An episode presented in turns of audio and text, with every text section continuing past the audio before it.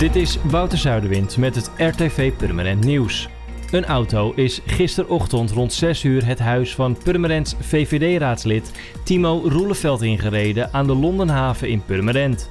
De auto vloog uit de bocht en eindigde met de voorkant in de keuken. Er raakte niemand gewond bij het ongeluk. Roeleveld is eigenaar van de woning waar tot vijf dagen geleden huurders in zaten. Hij moet er niet aan denken wat er zou zijn gebeurd als er mensen in het huis waren geweest, laat hij aan het Noord-Hollands Dagblad weten. Toen de politie ter plaatse kwam, was de bestuurder nergens te bekennen. Door de nieuwe tijdelijke coronamaatregelen is sinds gisteren het leegwaterbad voor twee weken dicht. Ook alle activiteiten van Spurt voor senioren gaan voorlopig niet door. Aanvankelijk van de ontwikkelingen gaat het zwembad in Purmerend donderdag 19 november weer open. Recreatief zwemmen is ook dan niet mogelijk.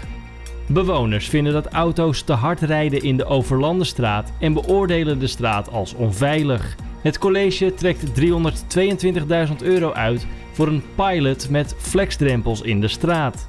Flexdrempels zien eruit als gewone drempels, maar hebben een flexibele rijplaat die meeveert onder het gewicht van zware voertuigen. De drempels worden in 2021 aangelegd en voorlopig alleen in de Overlandenstraat.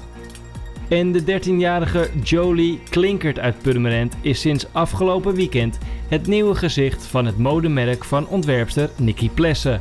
Uit meer dan 5000 aanmeldingen werd Klinkert samen met 10 andere meisjes en jongens geselecteerd om deel te nemen aan de wedstrijd Make a Model. Zondag werd bekend dat ze de wedstrijd bij de meisjes gewonnen heeft. Voor meer nieuws, kijk of luister je natuurlijk naar RTV Purmerend. Volg je onze socials of ga je naar rtvpurmerend.nl.